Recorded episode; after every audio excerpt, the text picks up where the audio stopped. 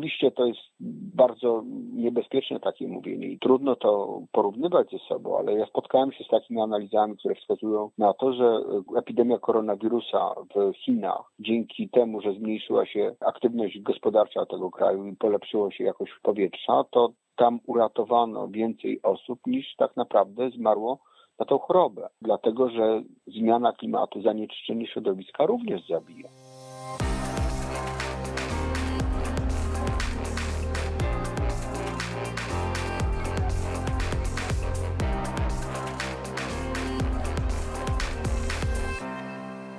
Krzysiek Grzyman, Zielony Podcast. Dzień dobry.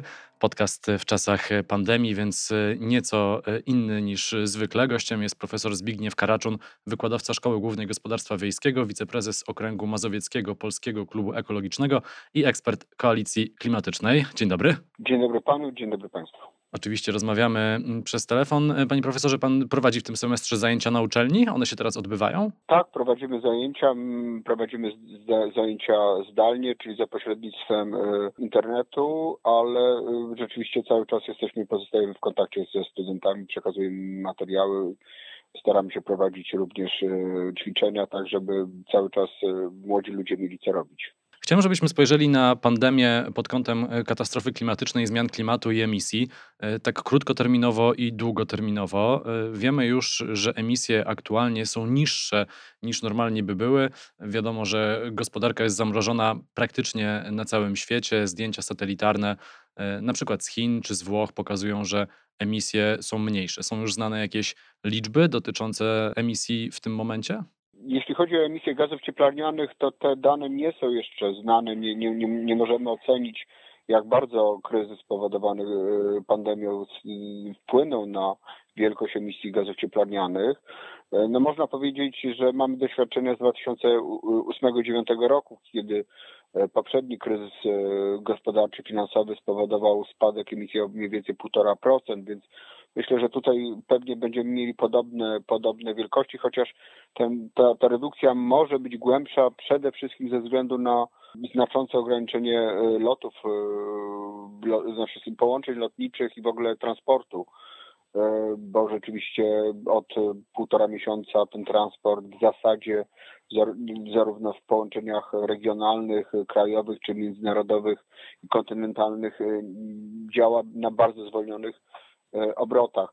E, w ostatnim czasie, to chyba kilka dni temu, Europejska Agencja Środowiskowa wydała natomiast taki, e, taki swoje wyniki badań opublikowała, w których podaje, że mm, w przypadku dwutlenku azotu, to jest taki gaz, który jest związany z emisją samochodów, spadł w Europie stężenie tego gazu w powietrzu spadło na, na obszarach zurbanizowanych bardzo poważnie, nawet w niektórych miejscach o 20-25%, więc to jest e, ten bezpośredni wpływ e, właśnie mniejszej, mniejszej ilości transportu, mniejszej, mniejszego użytkowania samochodów e, w miastach i jego przełożenie na jakość środowiska przyrodniczego. Ktoś mógł powiedzieć, że to jest ta jedyna dobra strona pandemii, ale jest dokładnie odwrotnie, bo jeżeli byśmy spojrzeli na to, co dzisiaj się dzieje, to nikt nie chciałby z powodu katastrofy klimatycznej płacić tak wysokiej ceny, jaką płacą społeczeństwa na całym świecie z powodu koronawirusa. To rzeczywiście, znaczy ja muszę powiedzieć, że ja byłbym bardzo ostrożny mówiąc, czy próbując budować jakieś analogie pomiędzy koronawirusem i pandemią, a polityką klimatyczną i tutaj szukanie jakichś korelacji e, i na siłę mówienie, że coś jest dobre czy coś jest złe. E, ja mam jedynie obawę taką, że rzeczywiście dzisiaj mamy to podstawowe wyzwanie, jakim jest opanowanie pandemii, bo ona ma, gdybyśmy pozwolili na to tak zwane uzyskanie odporności stadnej, to prawdopodobnie musielibyśmy się liczyć z milionami zgonów na całym świecie. I to, to jest jakby tym podstawowym priorytetem na, na, na, na chwilę obecną. Natomiast bardzo jest ważne to, żeby walcząc z pandemią i później e, walcząc z, ze skutkami tej pandemii, skutkami społecznymi gospodarczymi, żebyśmy nie popełnili błędów takich, które spowodują, że zaprzepaścimy za, e, jakby efekty no, kilkunastoletniej działań na rzecz ochrony klimatu i, i, i, i jakby stwierdzimy, że już zmiany klimatu nie są dla nas priorytetem nie są dla nas groźne, bo to byłoby rzeczywiście wtedy e, katastrofalne.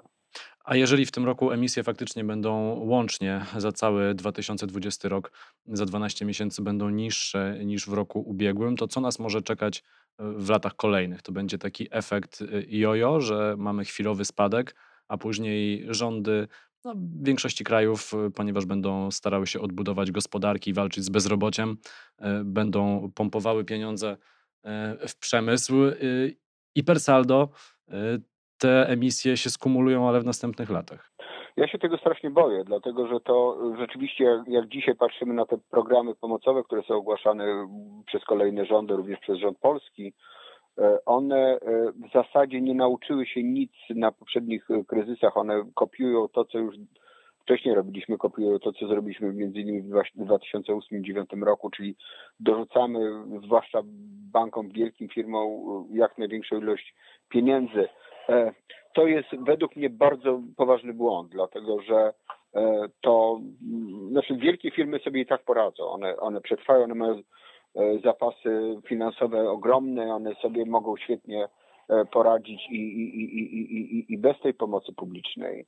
Natomiast nie poradzą sobie mali producenci, małe firmy, mali wykonawcy, jednoosobowe czy kilkuosobowe małe i średnie przedsiębiorstwa. Dla nich tak naprawdę E, nie ma dobrego pomysłu, jak im e, w tej sytuacji pomóc, w jaki sposób wspierać tę aktywność obywatelską i tę aktywność małych i średnich gospodarstw. W związku z tym e, będziemy dosypywali po to, żeby, nie wiem, zwiększyć konsumpcję, żeby znowu, żeby klienci znowu rzucili się do sklepów i zaczęli kupować dziesiąty telewizor, piętnasty smartfon i dwunastą już pralkę, tak?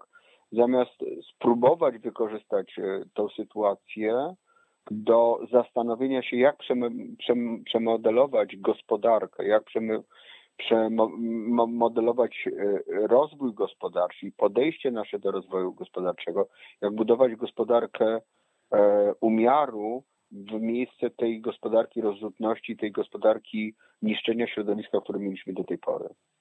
A widzi Pan miejsce dla, tego, e, dla takich zapisów w pakietach pomocowych, żeby pieniądze, które idą na inwestycje, a to są dziesiątki miliardów złotych w Polsce i dużo, dużo większe kwoty w Stanach Zjednoczonych, w Europie, czy e, pewnie nawet e, w Azji będą, żeby tam zapisać, że te pieniądze mogą być wydawane tylko i wyłącznie na, czy, czy, czy jednym z warunków uzyskania pieniędzy będzie wydawanie pieniędzy na projekty, które, no, nazwijmy to w cudzysłowie, są zrównoważone, biorą pod uwagę cele klimatyczne?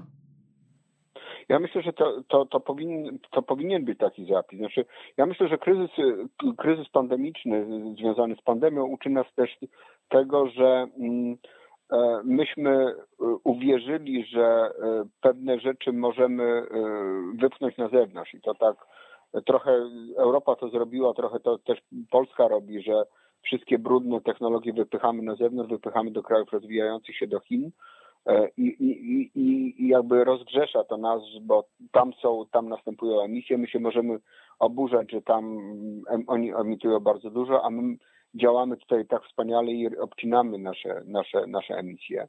Ja myślę, że e, ten kryzys powinien też e, spowodować, żebyśmy zaczęli myśleć o E, o trochę przemodelowaniu całej gospodarki, podejścia do gospodarki, żeby zacząć budować tą gospodarkę w oparciu o pewne mniejsze jednostki, o pewne wspólnoty, wspólnoty oparte na przykład na e, samorządach lokalnych, na zamykaniu pewnych obiegów, na skracaniu list, e, linii dostaw, tak? Naprawdę chyba nie ma potrzeby, zwłaszcza w Polsce, która produkuje E, rolnictwo, które produkuje bardzo rozmaitej, bardzo dużą ilość e, produktów żywnościowych, żeby sprowadzać ziemniaki, nie wiem, z Chin, Maroka czy, czy, czy, czy z Hiszpanii. E, my powinniśmy skracać te linie dostaw i budować takie bezpieczeństwo, to podstawowe bezpieczeństwo, również w podejściu do konsumpcji na rynkach lokalnych. A skrócenie linii dostaw także zmniejsza wielkość śladu węglowego i śladu ekologicznego, bo mniejsze jest potrzeby transportowe, mniej przetworzone są na końcu towary. W związku z tym e, myślę, że to też jest taki moment, gdzie e, przydałaby się taka refleksja, i szukanie takich rozwiązań, które by tego typu rozwiązania wspierały, a nie, tak jak mówię, nie wiem, dofinansowywanie wielkich, e, wielkich korporacji, które i tak i tak sobie świetnie poradzą na rynku. Tylko wydaje mi się, że w Polsce nie ma w ogóle takiej refleksji, przynajmniej w sferach e, rządowych, de decydentów. I wydaje mi się, e, że społeczeństwo chyba też jeszcze nie jest na tym etapie albo nie, nie myśli o tym w tym momencie. To znaczy, pandemia jest dzisiaj największym problemem, tym się zajmijmy, a ten swój temat klimatu to sobie odłóżcie i zawieście na czasy normalne, tak się mówi. Znaczy, ja, ja bym powiedział dwie rzeczy tutaj. Znaczy, e, z jednej strony rzeczywiście ja jestem e, trochę, a może nawet bardzo pesymistycznie nastawiony do tego, do, do przyszłości, do możliwości jakby podejmowania racjonalnych decyzji przez polityków. E, to dość powiedzieć, że ostatnio ukazały się informacje, że tak naprawdę zarówno polscy przedstawiciele polskiego rządu, jak i rządów innych krajów europejskich w styczniu już mieli dane wywiadowcze, które wskazywały jasno, że pandemia nie jest e, e, czymś, co można pominąć i co, co, co nie dotknie Europy, jest poważnym problemem. Europa się powinna do tego przygotować i tak naprawdę z wszystkich rządów europejskich chyba tylko jedyna Estonia, która się do tego dobrze przygotowywała i przygotowała, kupując odpowiednią ilość środków e, odkażających, strojów tych, tych chroniących personel medyczny, kupujących nowe respiratory czy maseczki. Natomiast no, rząd polski jakby zupełnie to zlekceważył. Lekceważył to jeszcze wówczas, kiedy już wiedzieliśmy, że w Europie ten problem e, się dzieje, że już się zaczynał kryzys w, we Włoszech i ciągle myśleliśmy, e, a to nas jakby nie dotknie, to nie jest nasz problem, to my zajmiemy się nim później. No i, i, i, i, zajęliśmy się w momencie, kiedy już trzeba było gasić pożar. W związku z tym tutaj jakby jedyną analogię widzę do polityki klimatycznej to jest to, że, że, że, że wiemy o tym, że zmiana klimatu jest bardzo poważnym zagrożeniem, że ona nie jest przyszłością, a już jest teraźniejszością, a mimo to staramy się odwlec niezbędne decyzje i działania na później. E, ja się boję, że to może być gorzej niż w tej chwili z pandemią. To znaczy skutki zmiany klimatu, jeżeli, nie dopuścimy, jeżeli do nich dopuścimy, będą daleko gorsze dla nas niż to, co widzimy dzisiaj e, i co jest skutkiem pandemii. I to jest jakby jedna rzecz, o, o, o, o której e, wydaje mi się warto mówić i warto dostrzegać. A to, czy my jesteśmy do tego jako społeczeństwo, jako politycy przygotowani mm, polskie, znaczy, ja, ja, ja, ja jest e, w polskich politykach i części, w dużej części społeczeństwa e, obawa przed kolejną transformacją. No myśmy w ostatnich 30 latach przeżyli trzy duże transformacje i, i, i, i nie chcielibyśmy kolejnej tak naprawdę tej, tej, tej transformacji przeżywać, boimy się.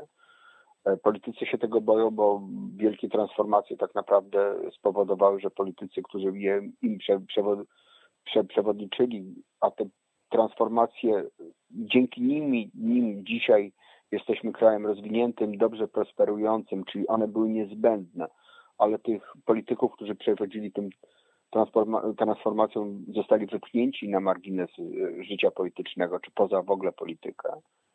E, w związku z tym y, ja, nie, ja widzę bardzo niewielką grupę e, osób w Polsce, autorytetów, które byłyby, potrafiłyby przewozić takiej, e, takiej, takiej zmianie w tej chwili, e, które miały odwagę powiedzieć, e, że taka zmiana jest po, potrzebna. No proszę popatrzeć, co się dzieje w dyskusji nad wyborami. No nawet dysku, wnioski czy, czy, czy, czy, czy dosyć dramatyczne informacje z Francji o tym, że ludzie, którzy byli, pracowali w, przy wyborach, e, w komisjach wyborczych, czy byli wolontariuszami w trakcie wyborów, e, umierają, zachorowali na koronawirusa, nie spowodowało refleksji w Polsce takiej, żeby wybory prezydenckie odłożyć, tak? Tylko dzisiaj mówimy, nie ma powodów na to, żeby odkładać.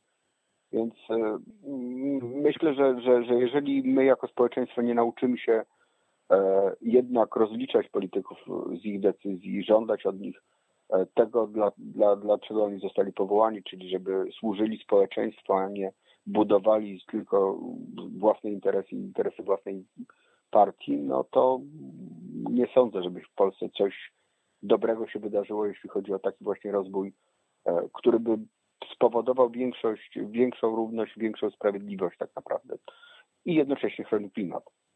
Problem w Polsce jest taki, że sprawy klimatu są w Polsce sprawami politycznymi, tak jak praktycznie wszystko.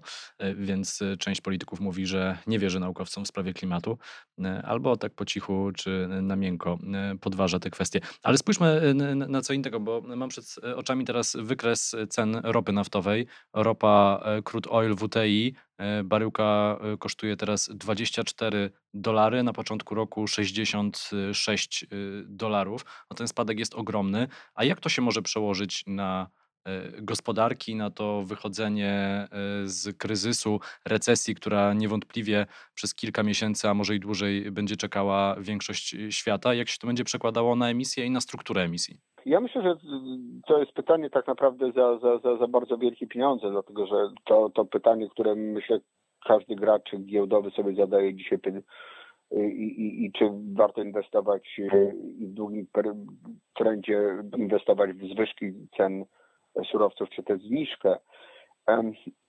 Ja się obawiam, że tak naprawdę, e, znaczy my dzisiaj, tak jak też już kilka razy mówiliśmy w trakcie, w trakcie naszej rozmowy, my dzisiaj głównie myślimy o naszym zdrowiu, o tym, e, ile osób e, zachorowało, ile osób umarło. Myślimy o tym, jak zdobyć żywność, jak spędzić czas w, w tym zaciszu domowej kwarantanny, jak zabawić swoje dzieci, żeby, żeby z nimi wytrzymać i wytrzymać w swoich rodzinach.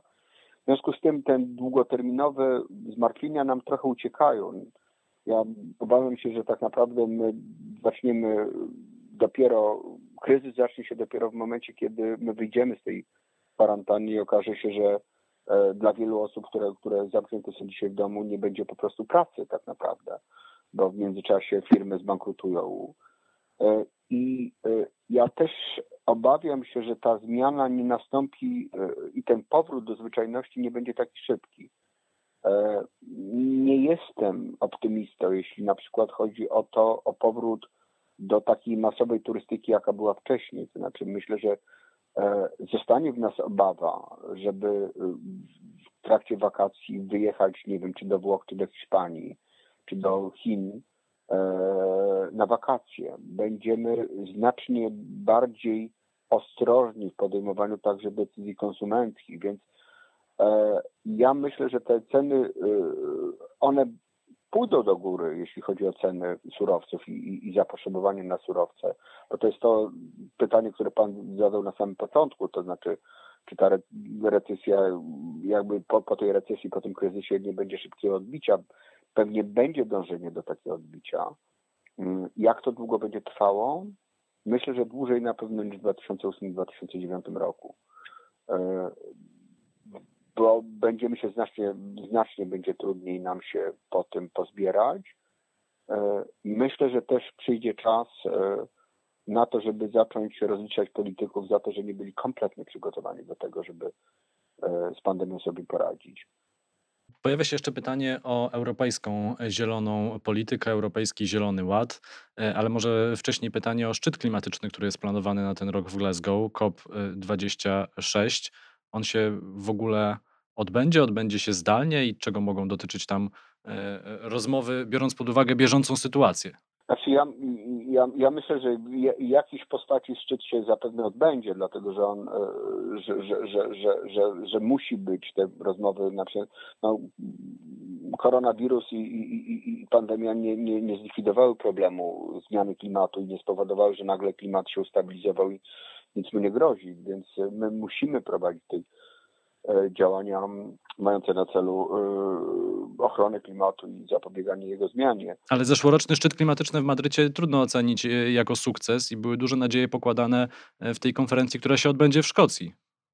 Dokładnie tak. I bardzo liczono na, na zarówno na, na, na, na politykę Wielkiej Brytanii czy, czy, czy, E, polityków e, szkockich, angielskich, którzy są bardzo biegli, którym tak naprawdę niezależnie od barw, bo przed chwilą pan powiedział, że w Polsce klimat jest podobnie jak wszystko polityczny, w Wielkiej Brytanii tak naprawdę tego problemu nie ma. Tam jest e, tak naprawdę konsens polityczny, że zmiana klimatu jest zagrożeniem dla Wielkiej Brytanii i trzeba z tym zagrożeniem walczyć i trzeba przeciwdziałać tej zmianie. W związku z tym ja bardzo liczyłem na aktywność polityków brytyjskich, że będą działali na rzecz porozumienia i bardziej aktywnych działań w zakresie ochrony klimatu.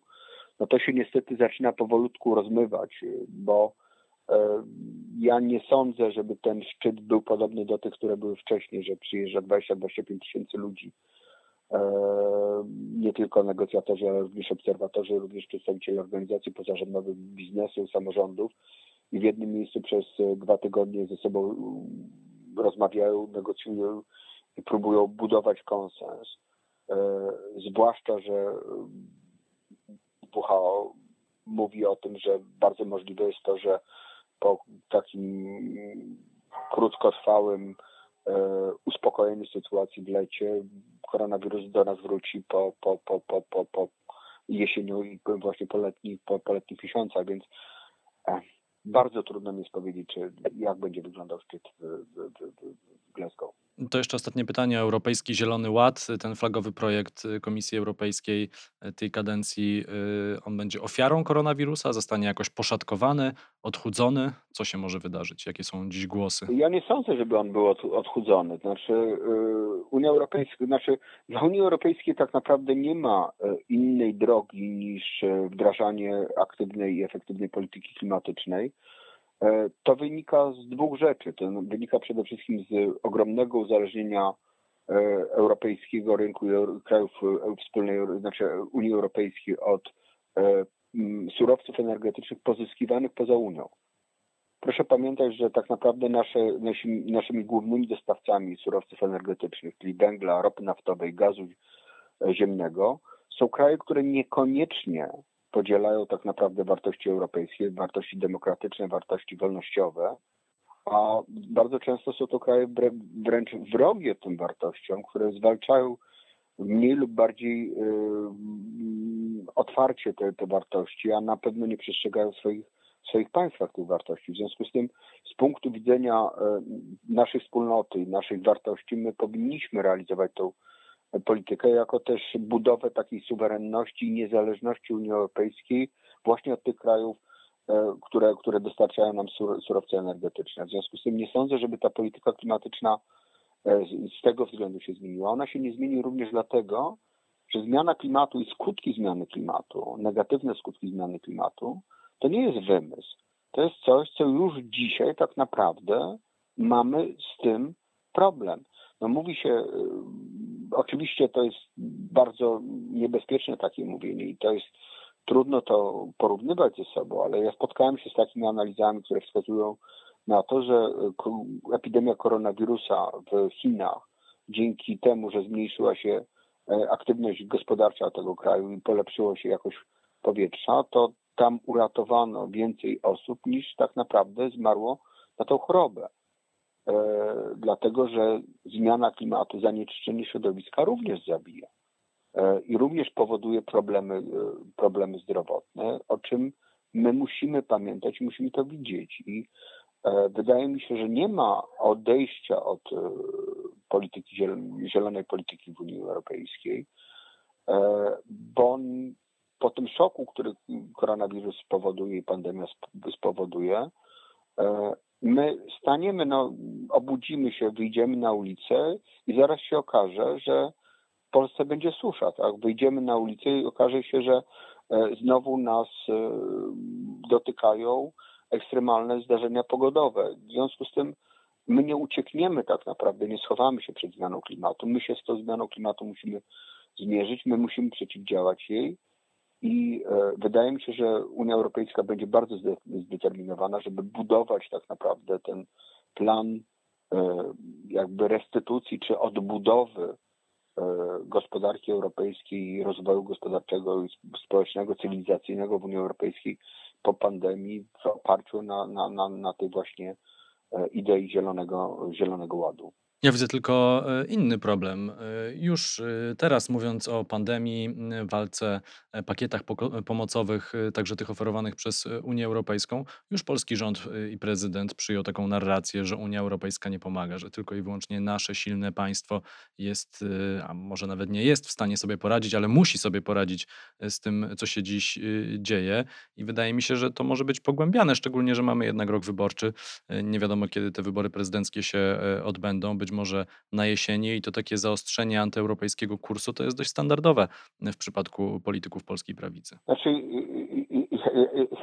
jak pan takie rzeczy mówi, no, może rzeczywiście mm, pan prezydent powinien, mm, nie wiem, no, podobno ma tytuł doktora nauk prawnych, tak?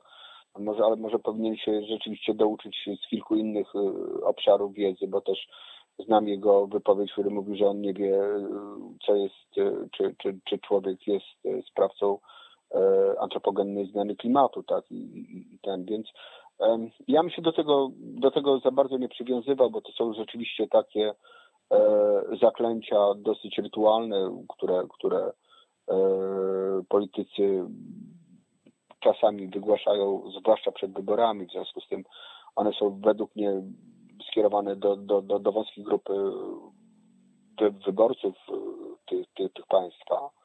E, ja myślę, że e, to, co pokazuje epidemia, to jest to, że bez, bez solidarności nie jesteśmy w stanie sobie poradzić. Proszę popatrzeć, co się dzieje we Włoszech. No, myśmy mieli szczęście. Polska mm, znowu miała ogromne szczęście, dlatego że gdyby taki kryzys E, zdarzył się w Polsce wcześniej. Myśmy byli gdzieś na samym końcu, więc mogliśmy się uczyć już nie tylko na doświadczeniach e, e, chińskich, ale również na doświadczeniach europejskich. I dzięki temu ten, ten problem w Polsce nie jest jeszcze na tak ogromną skalę jak we Włoszech czy w Hiszpanii. Natomiast mm, ja sądzę, że bez współpracy międzynarodowej, bez solidarności międzynarodowej bardzo trudno będzie e, działać w świecie po kryzysie spowodowanym przez pandemię. I e, najgorszą rzeczą, którą możemy zrobić, to jest właśnie zamknięcie się w takich egoizmach narodowych i mówienie, e, tutaj my jesteśmy za granicami, tutaj nasza chata z krajem, nic się nam nie stanie. Stanie się stanie się, jeżeli będziemy sami, jeżeli nie będziemy współpracować w ramach właśnie Unii Europejskiej, jeżeli nie będziemy w ramach tej Unii solidarni z innymi krajami członkowskimi, to na tym jako społeczeństwo, jako kraj, jako naród stracimy. Profesor Zbigniew Karaczun, wykładowca Szkoły Głównej Gospodarstwa Wiejskiego, wiceprezes Okręgu Mazowieckiego Polskiego Klubu Ekologicznego i ekspert Koalicji Klimatycznej był gościem Zielonego Podcastu. Bardzo dziękuję za rozmowę. Dziękuję panu, dziękuję państwu. Krzysztof Rzyman, do usłyszenia.